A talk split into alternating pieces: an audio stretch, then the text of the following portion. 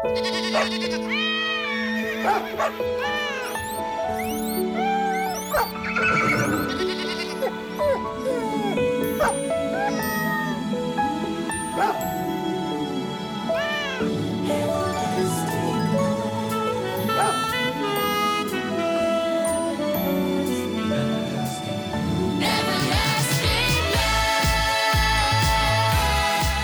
Och välkommen! Du lyssnar nu på min hundpodd, hundcoachen Fredrik Sten. Och idag har jag med mig en gäst i studion som är lite av min favoritgäst.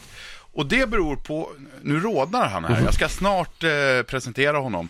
Men det beror på, faktiskt på flera saker. Ett, att han pratar väldigt mycket, han pratar mer än mig. Och det är liksom en förutsättning när man gör podd eller radio, att man inte är tyst, det tycker jag om. Två, han är extremt kunnig, han vet vad han pratar om. Och tre, han älskar hundar av alla dess slag.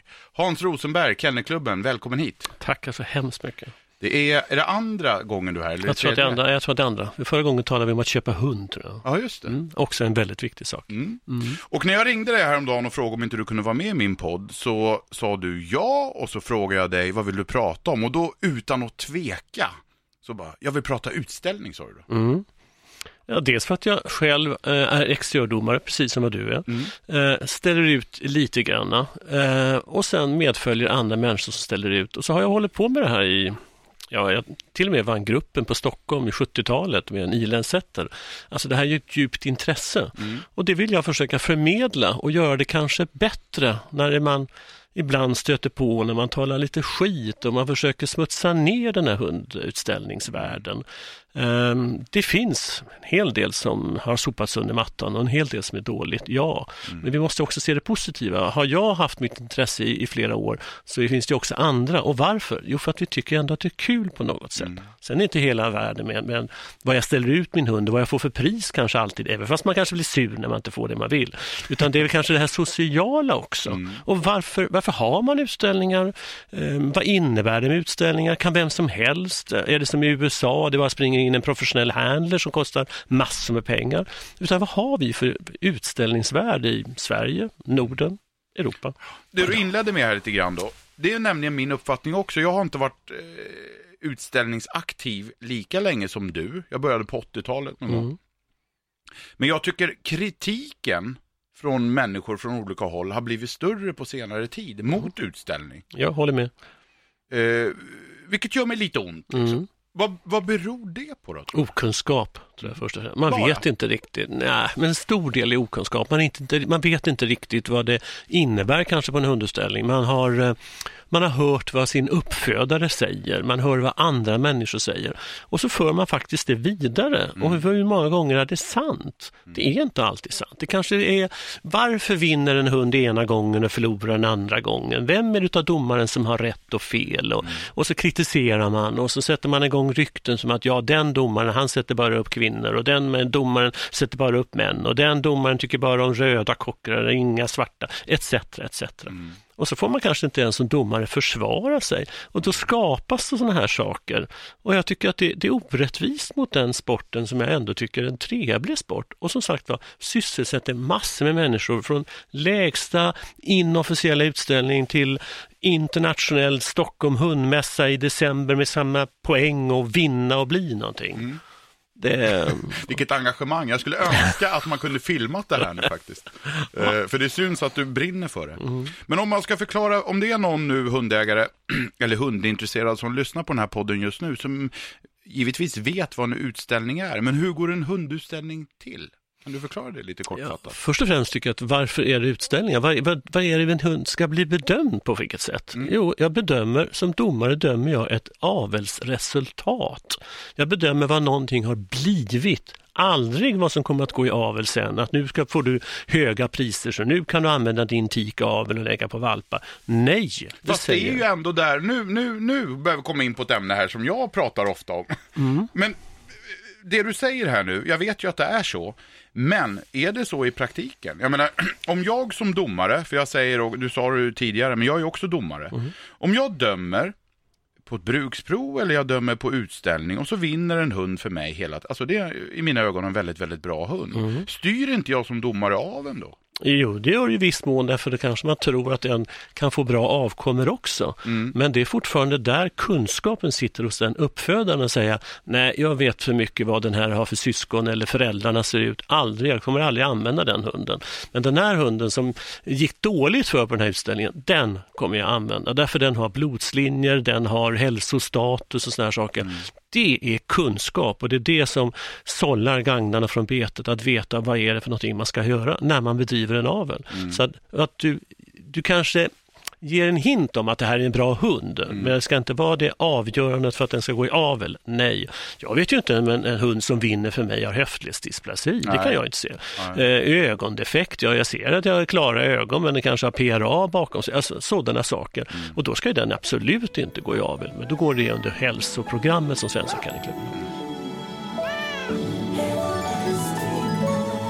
Men jag tycker det är viktigt att alltid poängtera det är ett resultat. För faktiskt var Svenska Kennelklubben inne för något år sedan och talade om det här med SRD. Vi ska tänka på de SRD, ras, SRD är att äh, rasspecifika detaljer hos hundar. Först och främst är trubbnosarna. Vi måste se till att vi får bättre hundar som kan andas, vi kan hundar som kan se och, och sådana här saker. Vi måste tänka på sundhet. Mm. Och det här är då någonting som kom och då hade man en liten tanke på att de hundar som domaren sätter upp måste kunna vara bra individer går i avel. Tack och lov så togs det bort. Mm. För det är inte det jag kan se. Jag ser bara vad jag ser med mina blotta ögon. Jag kan känna på en hund och det viset jag kan bedöma den. Mm. Men det är alltså A och O, domaren bedömer ett avelsresultat. Mm. Och sen är det ju då att man anmäler sin hund i en eh, respektive ras bedöms för sig. Eh, hanhundar för sig, tikar för sig, hanhundar först, tikar därefter. Mm. Det kan nog ligga någonting i det, med, med skulle det varit ett löptikar så kanske hanhundarna visar intresse i ringen och inte koncentrerar sig på sin uppgift.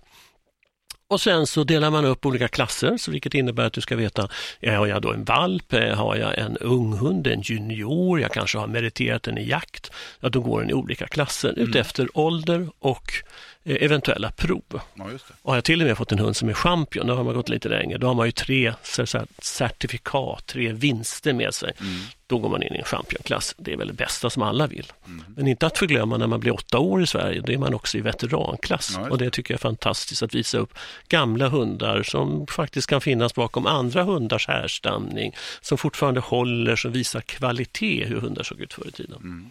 Så att eh, varje ras, enskild ras, handlar för sig, lika för sig, man går in i olika klasser. Och sen tittar då domaren på de här hundarna i den här klassen. Och då tittar jag ut efter en rasstandard, en rasbeskrivning. För varje hund har en beskrivning som hemlandet har skrivit ner. I Sverige, 12 svenska nationalraser, Västgötaspetsen till exempel. Mm. Den bestämmer Sverige hur den ska se ut. Vi talar om vilken mankhöjd den ska ha, hur huvudet ska se ut, hur svansen ska bäras. Och jag som domare har utbildat mig och vet hur respektive ras ska se ut via den här rasstandarden. Mm. Men det är en idealhund. Den ja, existerar inte. Alla hundar har minst tre fel. Det gäller för dig som visar hunden att försöka dölja dem och mig som domare att kunna hitta dem. Mm. Så att det är vetskapen om att ingen är felfri. Så det här domaren, han bedömer hunden utefter en rasstandard och Det gör man genom att man går igenom hunden. Jag känner på hunden. Man kallar det för palpera till exempel. Och Det innebär att jag, jag ser på en hund, jag tar i huvudet, jag tittar i tänderna, ser hur blicken är, jag, jag, öron, hals, skuldra, överarm, kropp, bakparti, svans, tassar, päls, rörelser och inte att förglömma temperament. Mm. Att det ingår i det här också. Och alla de här sakerna sen, inklusive de här rörelserna, då sätter jag ihop det här till en skriven kritik. Som i Sverige där vi har en ringsekreterare som skriver. Mm. Då skriver hon ner precis det jag säger och ingenting annat. Och därutefter så ska jag värdera den här hunden. Är det här en topstar, alltså det är världens snyggaste hund? Då är det ett pris som heter Excellent. Mm.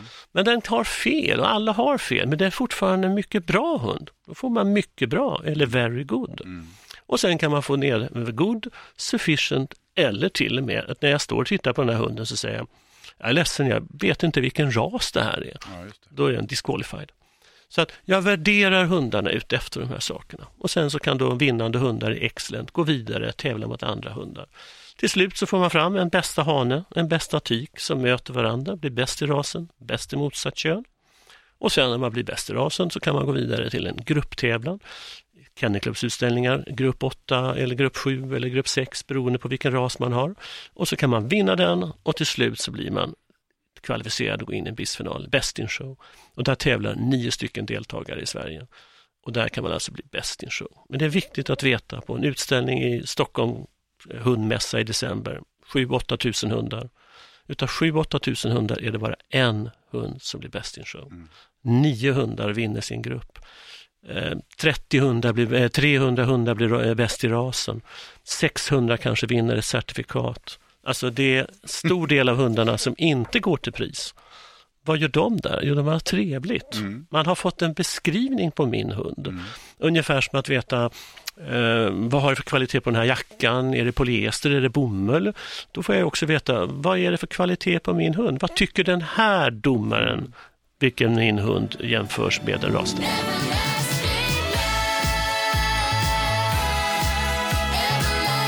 Jag backar bandet lite. Mm på själva, när jag kommer där med lilla Nymo och ska ställa ut henne, mm.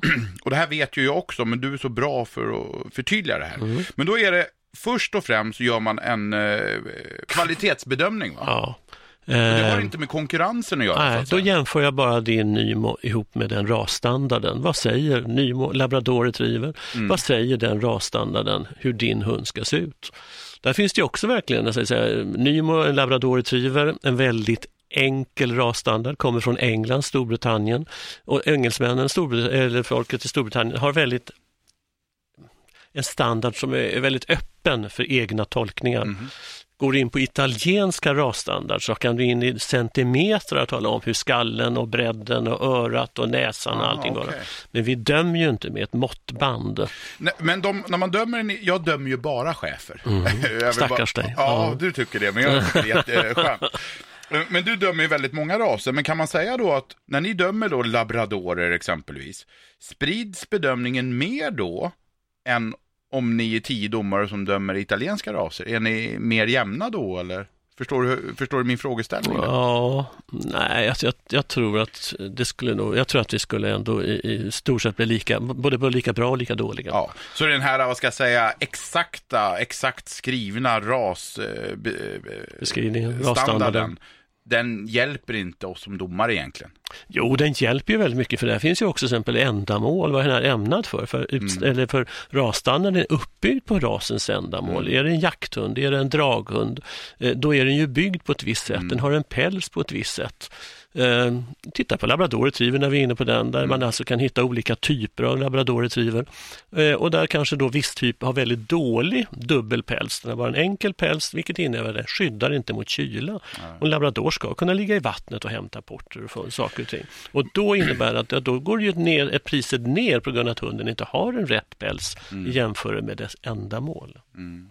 Eh, tycker du att det är så? Alltså jag, jag är helt med på vad du säger, men vi tar chefer som ett exempel ändå. Just det här du säger, chefer är ju en, eh, ja, en vallhund, en brukshund. En arbetande hund. Arbetande ja. hund. Mm.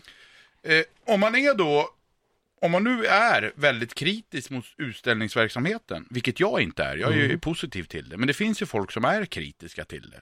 De menar ju, en del utav dem, att vi som håller på med utställning förstör raserna. Vi tar dem ifrån deras eh, ursprungliga ändamål, så att mm. säga. Vad, vad, vad vill du svara på det? Jo, jag kan hålla med om det faktiskt. Eh, det kan man väl se på vissa raser. Nu kan vi också säga att jag tycker alltid, det kan jag poängtera när man ska köpa hund, att det är mm. viktigt att veta vilket ändamål hunden är ämnad för. Mm. För det kan visa sig med att den blir stressad om den inte får valla etc. Eh, och då kan man väl se att många raser, alla har raser har haft ett ändamål, men vi nyttjar ju inte det på samma sätt som vi kanske gjorde för 100 år sedan, 150 och ännu mer, där vi hade hunden som en arbetande hund. Mm. Vi har ju faktiskt tagit till oss hunden som ett mycket mera, inte längre ett sällskapsdjur, utan en familjemedlem. Mm. Och det gör ju det att vi ställer inte krav på att den ska vara en bra jakthund eller liknande. Nu finns det ju många utpräglade hundar för sitt ändamål, mm. jakthundssidan, brukssidan och sådana mm. saker. Eh, Men du tycker inte att det gör så mycket alltså? Det... Nej, sen får det inte vara ytterligheterna och det är väl kanske nu labrador retriever då med ena sekunden en jaktindivid som inte har den korrekta pälsen, eh, som inte har en tunnformad bröstkorg, till exempel. Eh, och sen så har du ytterligheterna med en alldeles för tung och klumpig labrador Mm. eh, med korta ben och jättemycket kropp. Nej, den vill vi inte heller ha och jag vill inte ha den här tunna lilla lätta saken heller. Det är att försöka hitta något mittemellan. Men jag tycker när man dömer, när man står på en utställning och dömer, så är man ju bara människa. Mm. Och så kommer det in en klass då, vi säger de är 20 extremt vackra chefer, säger vi, för mig då när jag dömer. Och som sagt, jag är, inte bara, jag, är, jag är ju bara människa och det är ju otroligt lätt att attraheras av det lite extrema. Mm. Rätta mig gärna om jag har fel här, men egentligen skulle ju den, eh, vad ska jag säga, normalhunden vara den som segrar. Mm. Och därför tycker jag att du har ju ett ännu större ansvar i det läget eftersom du också är en rasspecialist.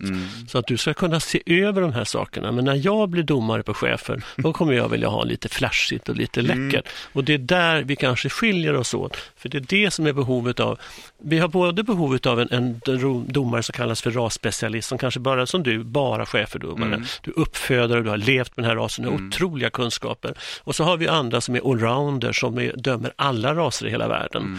De ser mer helhet, de jämför med den erfarenheten de har i andra länder och ej att försumma. Alltså det är otroliga erfarenheter. Dessa människor åker 50 utställningar på ett år i hela världen. De har en bredd att kunna se. Och då är det att kunna hitta den här medelvägen. Därför kan man säga, vi har behovet av dig som hittar detaljerna, som ställer rasen till rätta och säger, nej, nu har det gått för långt. Den ska se ut så här. Och så kommer jag och så ska jag säga, ja, men vi måste ha en helhet också. Vi kan inte bara ha mörka ögon på den här, därför det är det du tycker om. Utan vi måste se rörelser, helhet, temperament och sådana här saker. Så man har behovet av rasspecialister och allrounders och de gör bägge två ett bra arbete tillsammans. Men du har ett ansvar, mycket mer ett ansvar när du dömer din chef. Då ska du se över det. Ja, det är intressant det här tycker jag. Och, och, oavsett vilken ras man pratar om, om jag pratar med en eh, utställningsmänniska eller en hundmänniska som har exempelvis labradorer, då vill ju de gärna eh, ställa för en, en, en, en rasexpert för labradorer. Och likadant när det gäller amstaff eller vad det nu kan vara. Och så, så har man den inställningen. Och eh, ibland så tycker jag att de här allroundersdomarna får mycket kritik. Mm, Och, och det här, jag vet inte, nu är det här min podd så jag får säga precis vad jag vill. absolut. Men så Det här är inte public service. Nej, inte. precis. Nej. Och jag upplever då att, att, vad ska jag säga, om jag ska åka ner till Göteborg och ställa min hund på den s- stora mässan där nere. Och så är det en allrounder som dömer då chefer. Och så åker jag dit och så säger mina chefer, kompisar då, det här är bara, det här är bara hypotetiskt, så säger de så här, ja men det är ju en allrounder. De kan ju inte det här med chefer. Och jag måste erkänna att den inställningen har jag haft väldigt, väldigt länge också. Tills jag blev domare själv Mm. och fick träffa de här allroundersarna. Och alla som känner mig väl och alla som umgås med mig, de vet vad jag har för inställning om, om allrounders. Det är de duktigaste hundmänniskorna jag någonsin har träffat. Mm. Jag håller med dig. De är så Och duktiga ett brinnande intresse, Ja. inte i fem år, inte tio år, utan 30, 40, 50 år. faktiskt. Och som sagt var, de har rest över hela världen. Man möter bra hundar, man möter dåliga hundar och man bygger på sina kunskaper och erfarenheter. Jag har också all respekt för det. Och jag, jag vet inte varför jag tog upp det nu, för egentligen var det var väl bara för att hylla de här allroundersarna. Då vet jag inte hur många allroundersdomare som lyssnar på det här. Men, eh, men jag måste verkligen säga det, man hamnar på domarmiddagar, man sitter och pratar. Och då har jag haft förutfattade meningar. Jag har haft det, så här, ja, ja, vad kan den där? Åker runt i världen och dömer hundar på utställning, har väl ingen hundkunskap. Men så börjar man prata med den här människan, då kan det ju vara en människa som har varit en utpräglad jakthundsmänniska, som har jobbat extremt mycket med jakthundar och liksom och förkovrat sig och blivit lika duktig på andra raser. Det, det, jag måste säga, det är väldigt, väldigt imponerande. Vad jag skulle vilja flika in, det är väl att när vissa klubbar, alldeles länsklubbar, när vi ofta talar om allrounders domare, det är att man bjuder in domare och kanske på raser som de inte ens är bekanta med. En domare från Singapore vet inte vad en, en svensk lapphund är. Eh, då sätter man den domaren på spetsar och så får han alla de här raserna också. Det tycker jag är oärligt, därför han har inte någon erfarenhet om han inte har fött upp rasen, känner någon i Singapore som har de här hundarna. Men oftast är det att man kommer hit till Sverige och så ska man döma svensk lapphund. Man ska läsa in en rasstandard utefter kanske en bild eller två, men man har ingen erfarenhet. Det är då man säger, du ska inte sätta en sån allrounder ifrån de här öststatsländer, USA och andra länder på våra inhemska just nordiska raser. För de kanske inte gör ett bra arbete och då får de dålig eh, rykte om sig. Mm. Han kan ju inte, den kunde ju ingenting. Då använder man de nordiska domarna och vi har en gäng olika allrounder som också kan ta dem och många rasspecialister. Man, får, man måste tänka om för ärligheten mot den här domaren. Mm,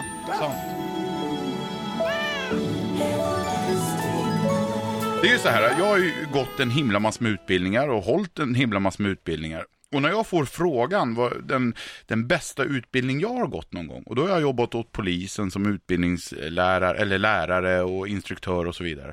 Den bästa, mest intressanta, den utbildning jag har gått där jag har lär, lärt mig mest, det är domarutbildningen på Svenska Kennelklubben. Ja. Ja, det är Kul. den bästa utbildningen jag har gått, eller ja, som jag har varit med om.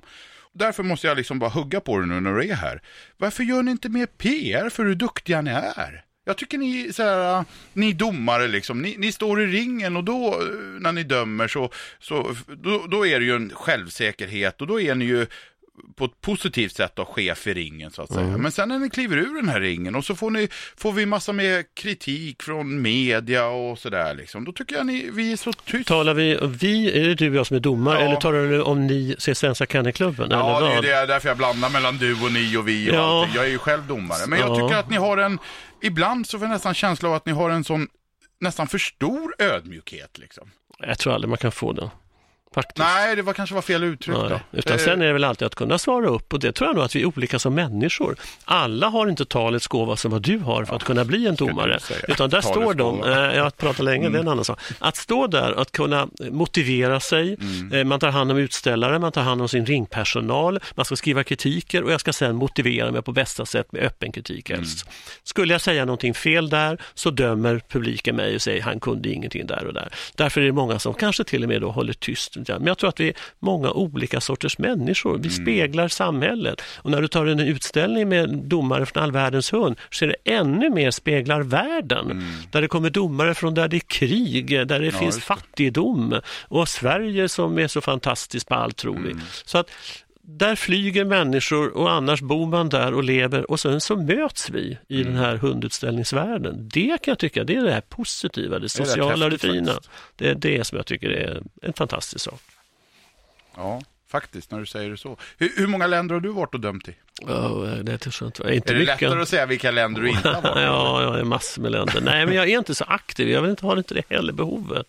Eh, jag har dömt sedan 1984. Jag gick en preparantkurs som du gjorde 1983 eh, och blev färdig 84. Jag gick 2005. Okej, mm. jag har hållit på lite länge. Men eh, jag har inte, jag, jag, jag arbetar med hundar hela tiden. Jag känner inte samma behov av att jag måste få komma ut. Ja. Jag kan tycka när det blir fredag ibland så kan jag känna, gud så skönt, jag har inget domaruppdrag. Jag bara kan sätta mig ner, ta ett glas vin och imorgon kan jag gå ut med promenad med hunden och att ta det lugnt och ingenting annat. Så att jag, jag känner inte samma behov och eh, sug av det som mina domarkollegor gör. Jag har all respekt för det också och samtidigt som de också säger att det, det, det kan vara jobbigt och det kan vara tråkigt. Det är alltid lika roligt att döma hundar. Men När man väl står där när man står där, Mm. men när man åkte till Irland för några veckor sedan, när man ska hämtas med taxi kvart över fyra, busståget ska, eller flyget ska gå säg, 06.20, det är en och en halv timmas försening, du får gå av och så tar det senare. Och sen så vet man inte om bagaget kommer vidare. Och sen så är det inte på plats förrän halv fyra.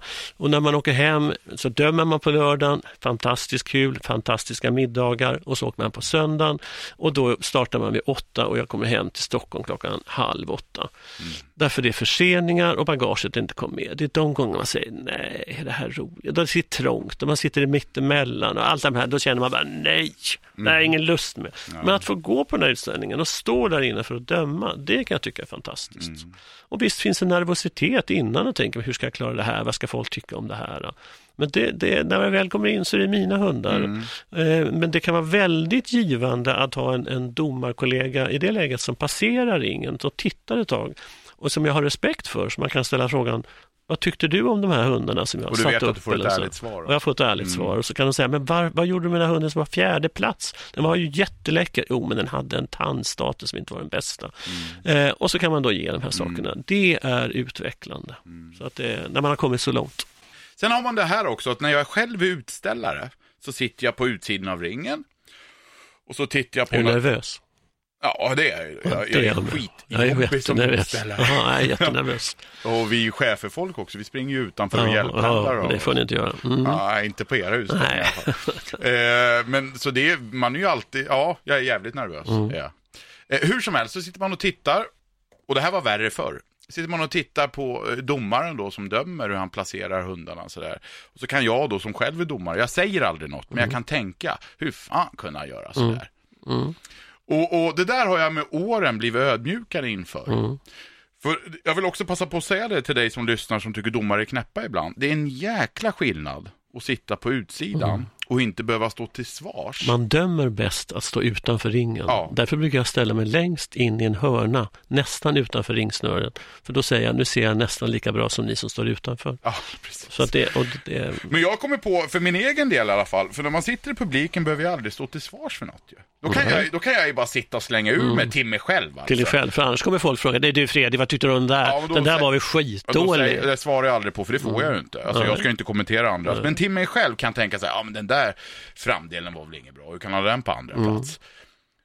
Och det behöver, sen kan jag gå och ta en kaffe. Mm. Men när jag står där och dömer, så ska jag ju faktiskt tänka samma sak, den där framdelen är inget bra. Sen ska jag ju värdera, hur är den framdelen mot de andra hundarna? Men den har ett fantastiskt huvud. Exakt. Mm. Och den bär upp sig trots den dåliga framdelen Ja. på grund av muskulaturen. Då blir det inte lika lätt längre. Nej.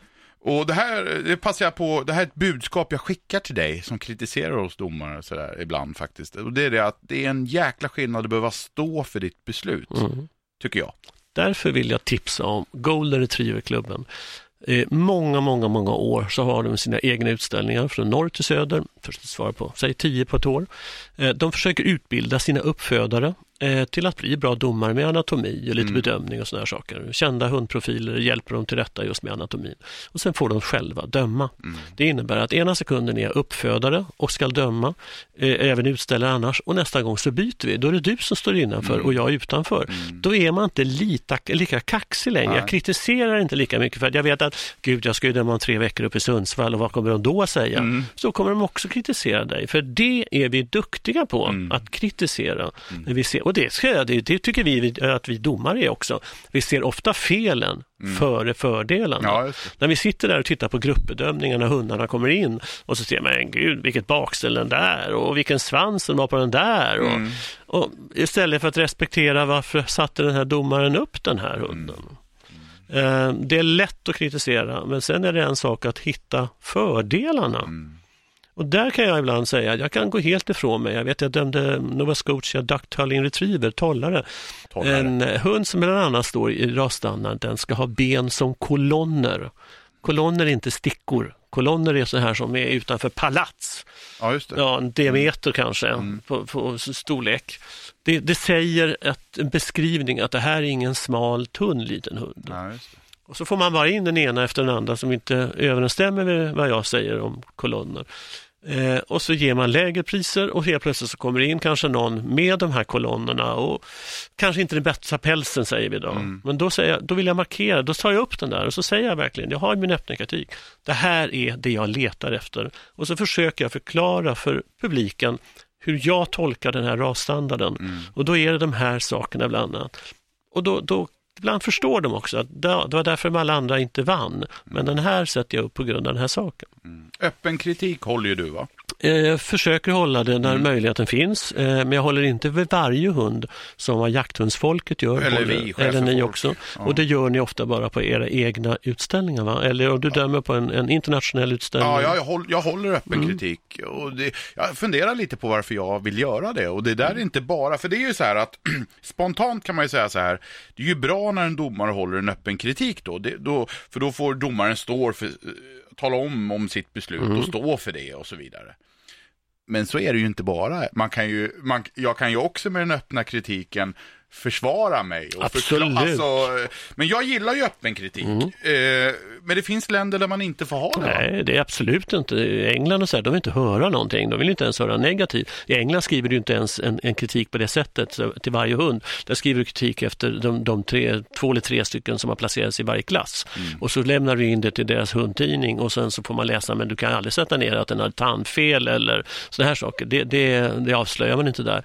Som skillnaden i Sverige och Skandinavien där vi verkligen talar fel och förtjänster. Mm. Alla hundar har fel och förtjänster och det är viktigt att du inte bara letar efter felen utan hittar det här med att den har en härlig utstrålning, mm. ett fantastiskt temperament, välskötta tänder. Det är inte alla som har det kan jag tala om. Nej. Eh, så att få med sådana saker. Är Sverige världens bästa hundland? Nej, jag kan inte säga så. Jag tycker att, att vi i Norden har en väldigt gemensam syn på det här med utställningar och att ha hund. Det ja, men rent jag. generellt? Ja, jag är duktig. Vi har en otrolig djur, äh, djurskyddslag. Eh, vi ser, ibland ser vi hand, tar vi hand om våra hundar mer än vad vi gör med våra gamla ja, människor. Det kan jag kritisera. Och där vi alltså får inte sätta in en hund i buren en sekund om inte grinden är öppen. Ehm, men med vissa undantag. Ehm, hundar skall beredas tillfälle att kunna ut och rastas var sjätte timma ut efter ålder mm. och mm. eh, ålder bland annat. Ehm, hur ofta får pensionärer komma ut? Mm. Min mamma kommer aldrig ut. Alltså den dagen vi kan ta hand om våra pensionärer lika bra vi tar hand om våra hundar, då har vi mm. kommit ännu längre. Men vi tar hand om våra djur väldigt, väldigt bra. För eh, några dagar sedan, du får passa på den här frågan. Mm. Det får du göra, jag säger mm. det innan. Men för några dagar sedan kunde man se i Aftonbladet den här hunden som, i Sverige som hade fått en rullstol. Ja. Hur känner du inför det då? Nej, då, alltså, vi ser inte det som ett positivt sak. Eh, vi har även gått ut med ett, ett eh, brev skickat till SVT, till VD och talat om att eh, SVT Play har för närvarande eh, idag, eh, eller nu, eh, en serie med fantastiska hundar. Och det är en amerikansk film som visar den ena konstigheten efter den andra mm. som alltså har överlevt.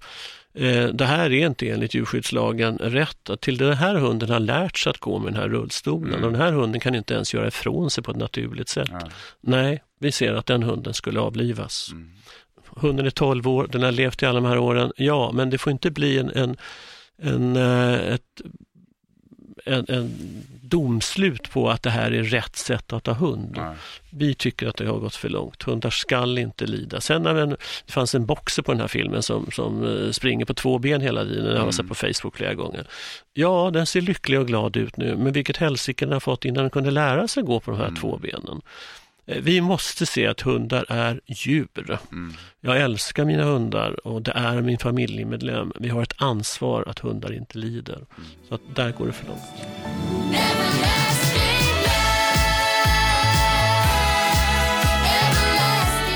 För några dagar sedan när eh, jag eh, fick klartecken från dig att du skulle vara med i podden här, mm. så la jag ut på min Instagram Hundcoachen heter den på Instagram, eller heter min adress på Instagram. Och då la jag ut och passa på att ställa frågor till Hans mm. Rosenberg på Kennelklubben. Och då fick jag en fråga här som jag mm. tänkte, det hinner vi med i alla fall. Mm. Och det var, varför är Kennelklubben så kritiska mot blandraser? Jag vill inte bara säga att vi är kritiska. Svenska Kennelklubben är en organisation för rashundar. Vi kallar oss inte renrasiga längre, utan vi säger rashundar, det mm. låter bättre. Eh, den skapades 1889 för att just bevara alla våra raser. Och det bevarandet är ju att, att, att även om hundra år ska du kunna få en bra älghund, en bra apporterande mm. hund, en bra vakthund. Eh, och vi avlar alltså på de här egenskaperna och naturligtvis i dagens läge med hälsoprogram och sådana här saker. Eh, sen finns det cirka 20% blandraser i landet mm. och de är välkomna till vår organisation för att till exempel vara medlemmar för att få tidningen och få information som vänder sig till alla hundägare. Mm. Det du inte kan göra direkt generellt är att du inte kan ställa ut din hund på en hundutställning. Och det finns ju en lätt förklaring till Därför det finns ingen rasstandard på Nej. en blandras. Eh, man kan inte slå ihop en tax och en, en mops och, och sen läsa bägge två och försöka få fram någonting av det här. Samtidigt kan jag säga att alla hundar behöver inte gå på hundutställning heller. Nej. Och därför är det viktigt att gör man ändå ett inköp av eh, en blandras. Ofta sker det när barn vill ha hundar för de kostar något mindre. Inte alla. Nej. För där vill jag ge ett varningstecken för cockapoo och labradoodle och hela kilevitten som säljs som allergifria raser för 30 000. Mm. Du får betala 60 om du ska bedriva avel på de här. Mm. Då påstår de att våra uppfödare är dumma som säljer sina hundar för 15-16 000. Men det är upp till köparen att mm. betala. Mm. Men man ska inte bli invaggad av att tro att man får det på köpet. Men om man får den här blandrasen som man köper till det här barnet för att den ska få en hund, mm. och det är det väsentligaste, då får den en hund att ta ansvar för. Då ska man älska den lika mycket som man gör med sin rashund. Man ska försäkra den, man ska ta hand om den, man ska sköta den precis, för då är det en hund. Mm. Och Svenska Kennelklubben har också en, en underrubrik, Hundägarnas riksorganisation. Och när vi talar om våra hundar i samhället, då är det inte tal om att vi bara talar för rashundar, vi talar för alla mm. hundar. Men vi har en uppfödarkår som värnar om att vi har våra rashundar, mm. att vi ska kunna hitta en schäfer, vi ska kunna hitta en gråhund, en älghund, en apporterande hund, även om hundra år år. Mm. Så det där vår inställning. Det är inget motsatsförhållande egentligen? Nej, alltså vi kan alltid, det finns, eh, finns alltid någon som tycker att de inte ska finnas med och sådär. Mm. Eh, men, men eh, vi ser inte att... Eh, du har, ni har ingenting emot blandraser, nej, men du, det är inte det ni sysslar med i nej. huvudsak. Kan man säga så? Du kan också få du kan ju få ställa upp på olika stora tävlingar. Du kan inte bli champion med din blandras, nej. oavsett vilken sorts det, vad du håller på med. Men du kan tävla freestyle och agility och lydnad och allting. Mm. Och du kan till och med kanske representera Sverige i något annat land. Mm. Inget fel. Och där, där är det ju hunden som premieras och dig som ägare. Men du kan inte bli champion det vill vi ha till våra hundägare som är medlemmar med en rashund. Vet du, eh, i Stockholmsregionen fick jag se siffror här häromdagen. Vet du vad den vanligaste ja, rasen då, nu gör jag sådär med fingrarna, rasen när det gäller valpar, vet du vad det är i Stockholm? Nej, därför att jag vill inte tro att, eh, därför alla säger i detta läge fel. Mm -hmm. För vad man än så, när, när kommuner etc. ska redovisa vanligaste hundrasen mm, mm. i vår kommun är blandras. Ja. Men blandras är en grupp av hundar. Mm. Rashundar är en annan grupp av hundar. Det är 20% blandraser 80% rashundar i landet. Mm. Det innebär att rashundar är alltså fler, men det finns flera varianter av dem. Bra. Fick jag med en liten sån här klitsch på fingrarna? Mm, japp.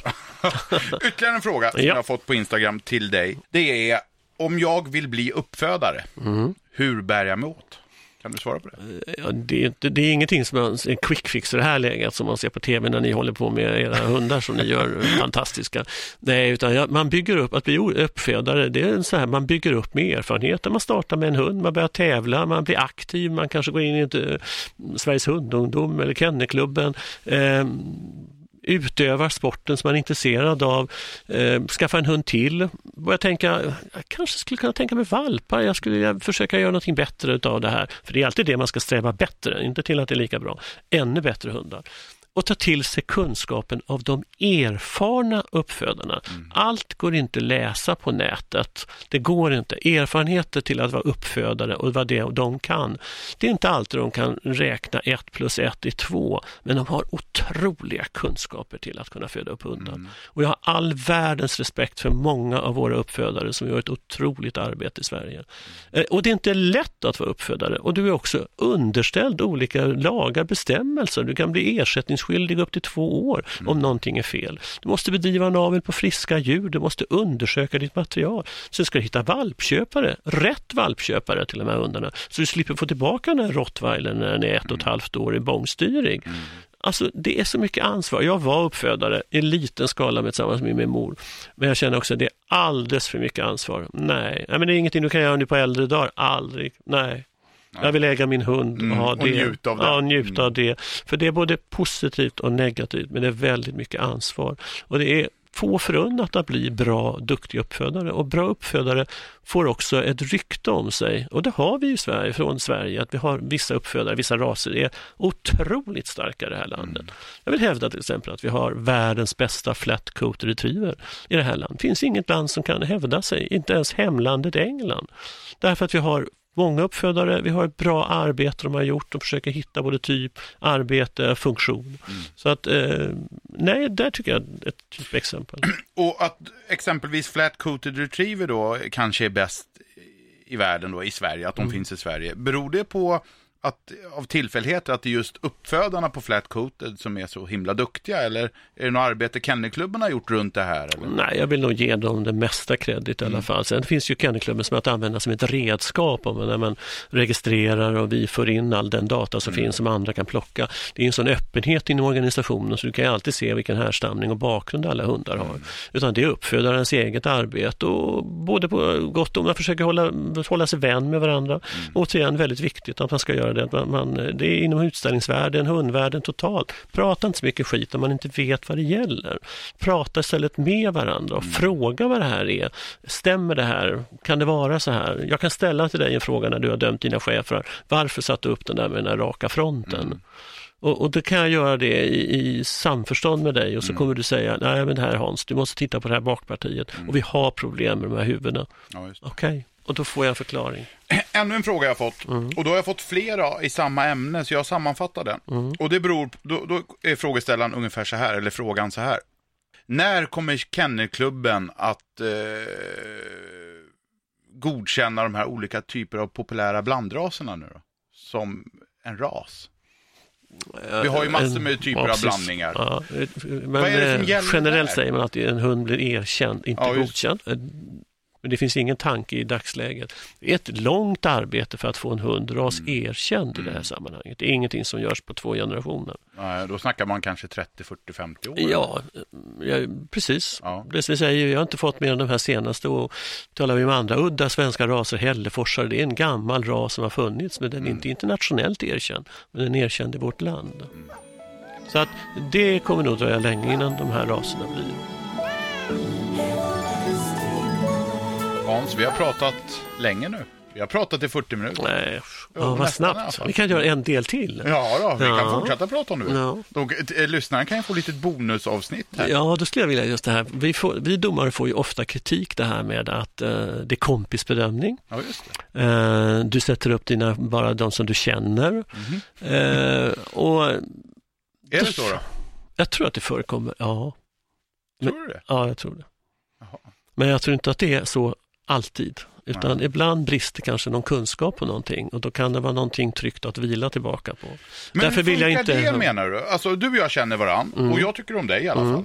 Men om jag då kommer in, nu dömer ju inte du chefen, Nej. men jag kommer in med lilla Nymo för dig. Ja, just det. Välkommen. Ja, tack. Eh, Mm. det du säger här nu då, inte att du gör det, men Mm. det kan förekomma, det är att jag får en placering bättre då, bara för vi känner varandra.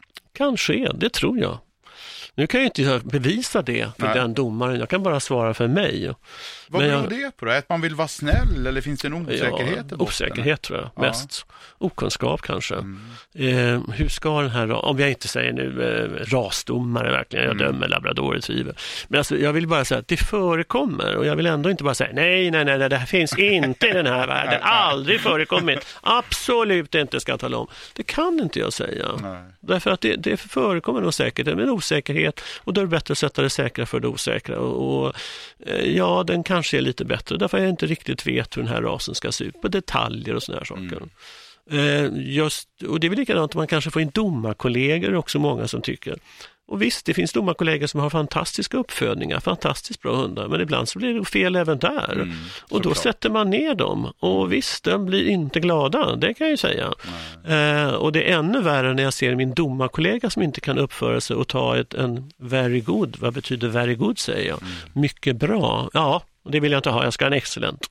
Men mycket Det bra, avgör inte du. nej, det är jag som dömer, men mycket bra säger jag, det betyder just, jag, jag, jag och äter middag hos dig, du bjuder hem mig på Ja. middag. Och så säger du, eh, vad tyckte du om maten? Ja, det var mycket gott. Nej, du tyckte inte om den. Nej, det. Jo, men jag tyckte det var mycket gott. Nej, du tyckte inte alls om den. Du skulle säga att det var utmärkt. Utmärkt, Ja. då hade den blivit bra. Men den var mycket god och mycket god är ett positivt ord. Och det är faktiskt hundar som får mycket god är fortfarande bra individer, men vi kräver så mycket.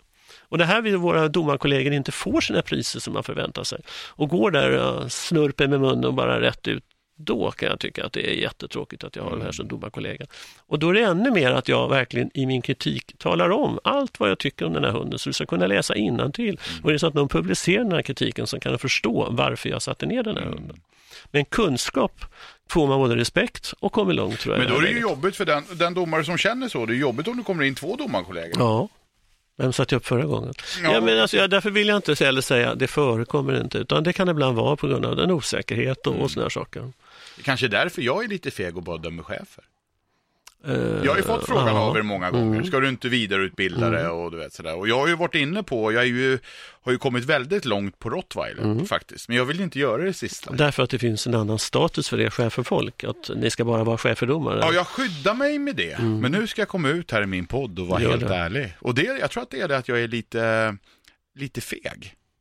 Alltså i chefer känner jag att det kan jag. Mm. Gud själv skulle kunna komma in med en chefer för mig och jag skulle fortfarande ha samma uppfattning om Mm. den här hunden. Jag känner mig, jag är helt opåverkningsbar när jag står där och dömer chefer. Men skulle jag helt plötsligt börja döma rottweiler också, Mm. Så kommer det in duktiga rottweileruppfödare. som- Fyra, fem stycken Ja. i championklass. Då är, jag, då är jag rädd för att, att, alltså det är nog det jag är rädd för. Och det är därför tror jag inte vidareutbildar Mm. Så, så ni tror ju här nu, du avslöjar jag mig, det blir eh, tidningsrubriker på det här. ni tror att jag är bara så schäfertokig, men det är nog kanske feghet faktiskt. Jag Ja. tycker ni är modiga som dömer de här raserna. Och man lär sig väldigt mycket mer på Ja. att döma fler raser, olika sorters typer. Därför sen blir man också kanske stämplad. Eh, om jag kommer från Spanien och retrieverfolk, eh, dömer eh, raserna och så dömer man tibetan spaniel och så ställer någon frågan, Hans, vem är han? Jo, han har en curly hemma och sådär. Ah, Fågelundsmänniska, den ska bara springa och ingenting annat. Då har någon dömt mig i det läget. Men istället för att låta mig få se och lära mig och få vidgade vyer och det skulle du också få om du tog andra flera raser och upptäcka de problemen som finns inom din ras kanske inte finns i en annan ras. Bakställ finns i vissa raser, fronter finns i andra, storlekar finns i andra. Och så helt plötsligt så får man en, så vidgar sig kunskaperna och får respekt både för sin egen ras, för det säger jag också, ska man bli domare så ska man inte tro att man blir domare för att man ska kunna eh, se till att jag ska förändra världen. Det funkar inte så, utan jag får nog faktiskt anpassa mig lite grann också. Men ändå det här med att jag får vidgade vyer, jag ser någonting mer. Det tror jag man, ödmjukhet som du börjar prata om, att man kan inte få för mycket ödmjukhet. Jag Nej. måste vara ödmjuk inför den här uppgiften. Och det är ju läskigare än man håller på med hund i alla fall, så kanske det är allting. Men ju duktigare man blir, desto ödmjukare blir man. Ja, tystare. Och det säger jag Ja. också. Eh, När man blir domare säger man, ah, det här ska ut och döma, jag ska nog se till att man ska ändra den här rasen lite grann. Ja, ja. Men varje gång, jag kan säga det varje gång, så tänker jag, "Usch, gud, hur ska jag göra den här gången? Alltså, det är därför att man laddar så mycket. Man läser den här rasstandarden dagen innan man ska döma, ett, trots att man känner till rasen. Eh, och så går man in och sen man väl sen, när man väl kommer innanför ringsnöret, då släpper det. För nu är det bara jag. Det är faktiskt ingen annan som kan hjälpa mig. En sån här. Det har hänt någon gång kanske man står med så här fantastiska hundar. Alltså det är bara... Äh, de har nästan lust att nu går jag härifrån. För att, jag, jag vill sätta upp bägge två, Ja, därför det är bara så fantastiskt. De är så bra som individer. Och Vad gör du då när du hamnar i det läget där du har två, du står och dömer och en måste ju vinna? Hur, hur jobbar du då? Nu är jag ju nyfiken som domare Men det är ju känslan. Alltså, det har väl ändå, eh, ofta får man när man får in hundarna, de första anblicken är väldigt, väldigt viktig. Eh, förr fanns det kritiken, så var det typbeteckning. Och det var en typbeteckning bara för att du har sett hunden. Du har inte sett hunden direkt röra sig, du har inte tagit i hunden. Och då sätter du vilken typ är det här hunden. Jo, det här är hunden, utmärkt typ, det här är en champion från början. Sen när du går igenom den så sätter du ner den och så får du ett lägre pris, för utmärkt var det högsta priset. Och då är det väl det här när hundarna kommer in och så ställer man, det är så viktigt när man kommer in att man är beredd hela tiden med sin hund, ställer upp den om det är nu silhuett eller om det är en huvudras med huvudet åt mig. Och den här första anblicken som jag bara sitter och så tittar. Åh, den var inte så dum. Och den var snygg. Och så har man fått den här blicken. Och den sitter kvar. Och ibland när man väl sen till slut står med de här två hundarna så är det ändå, vad var det nu från början? Jo, nej, nej jag tar den här tycker jag första. Så att den här övertygelsen, första intrycket, och ändå så står man där, vi tar ett varv runt. Ja, jo, men den går lika fram, nästan lika bra bak. Ge, att ge och ta, det är ju det som hela det här handlar om. Det finns inget facit och det finns ingenting att ett fel drar ner ett pris, Nej. två fel drar ner två pris. Nej, utan det är summa summarum. Sen finns det diskvalificerande fel och de måste vi ta hänsyn till för det är diskvalificerande fel. Och då är det diskvalificerande om det beror på storlek, färg eller någonting annat. Och så tycker jag att alla ska, nu när man sitter och man lyssnar på det här, läs rasstandarden för din hund. Hur tolkar du den här rasstandarden? Eh, rasklubben kanske har en, en, eh, en förtydligande som de gör nu till alla domarkonferenser. Det finns odo- otroligt väldigt fina domarkompendier som är för att hjälpa domaren och även uppfödare och andra att läsa och förstå vad som betyder de här orden. Och så läser man det och så tittar man kritiska ögon på sin egen hund. Har den ljusa ögon eller är den mörka ögon? Nej, den är ljusa men den är väldigt söt. Ja, men den är för ljus. Okej? Och så går man igenom sin hund. Så att man vet hur en hund ska se ut. Och inte bara lyssna på vad domaren säger. När man har lyssnat på det här nu då, och så säger vi att vi är en hundägare som aldrig har ställt ut sin hund och så vill man testa här nu då. Mm. Kan man vara rädd för något då, eller är det bara att köra? Nej, jag tycker då att man ska välja en liten inofficiell utställning först. Mm. Kanske först med rasklubben. Det är absolut, man ska vara trogen sin rasklubb. Då tittar man i den eh, rasklubbstidningen, man pratar med sin uppfödare och så söker man till en utställning som är i närheten. Man börjar först och främst, hoppas jag, med en valputställning. Mm. Valputställningen kan arrangeras av många klubbar. Där får man träna, man får gå in i ridhus, massor med hundar. Det är inget allvar, ingenting, utan det är bara kul. Mm. Och sen så när hunden blir äldre så, så tar man också då till en officiell utställning för att höra. För jag tycker att alla ska behöva gå på en sån här för att få veta hur sin hund ser ut faktiskt. Och sen kanske inte bara en gång utan två gånger. Och sen när man går på den här utställningen så tar man med sig sina papper till hund, man tar med sig en stol att sitta på, en vattenskål till hunden, ett bra koppel som den kan visa sig i och sen en picknick, fika eller te och någon smörgås. Och så försöker man sätta sig ner och så försöker man bara prata med de här människorna som sitter bredvid. Vad har du för hund och, och var kommer den ifrån och hoppas det går bra för dig och sådär. Det bygger upp en vänskap. Jag måste så- skicka ut en varningens ord här. Okej, Eh, fika eller te? Nej. Du vet när jag var 14 tror jag, 14 år, så tvingade, jag var hundintresserad. Alltså jag höll ju på med hundar redan som 14-åring, men jag hade aldrig varit på en utställning. Då tvingade min syster mig att följa med till Stora Stockholm och hjälpa henne med hennes chefer. Jag skulle visa den. där. Och jag tyckte det var skit töntigt med hundutställning. Du vet, så här, jag, jag vet, smög iväg. Så jag talar inte om en sån för mina polare. Liksom. Vad fan, jag ska med syrran på hundutställning. Så kom jag just till Stora Stockholm där. Och då hade jag tur också. Det var vår, tyvärr bortgångna då, men vår vän Bosse Bosse Nyman Nyman. som dömde chefer.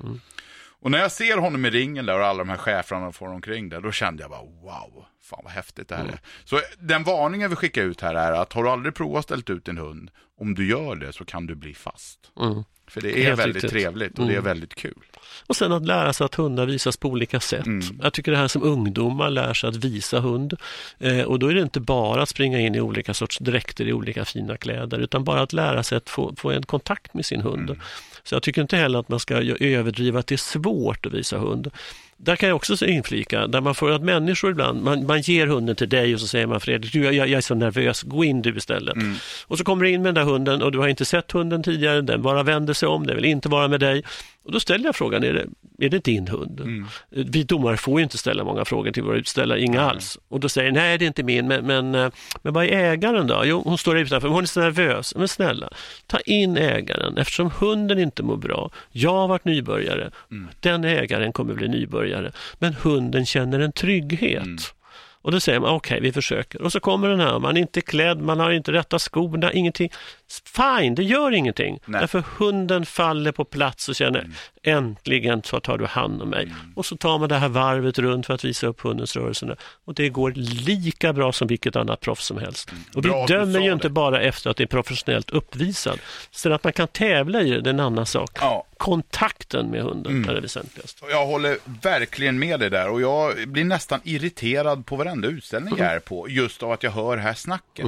Nej, jag kan inte visa något bra, den, får den, den andra får visa den hunden och så vidare. Och jag säger det till alla.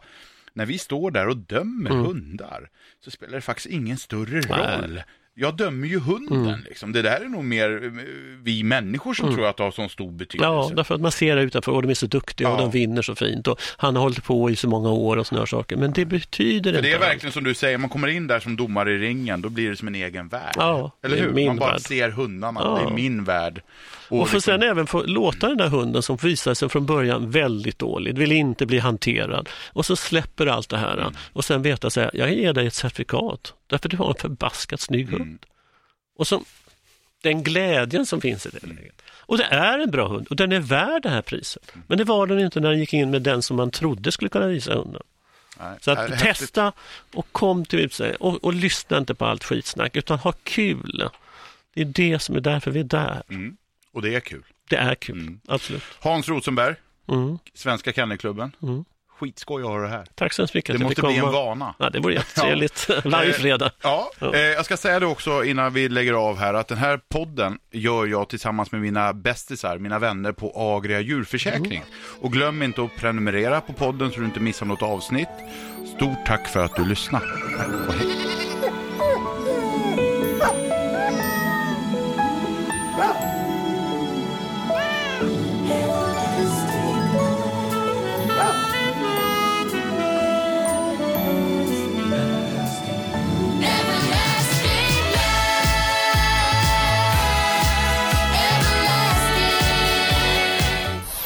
Produceras av I Like Radio. I like radio.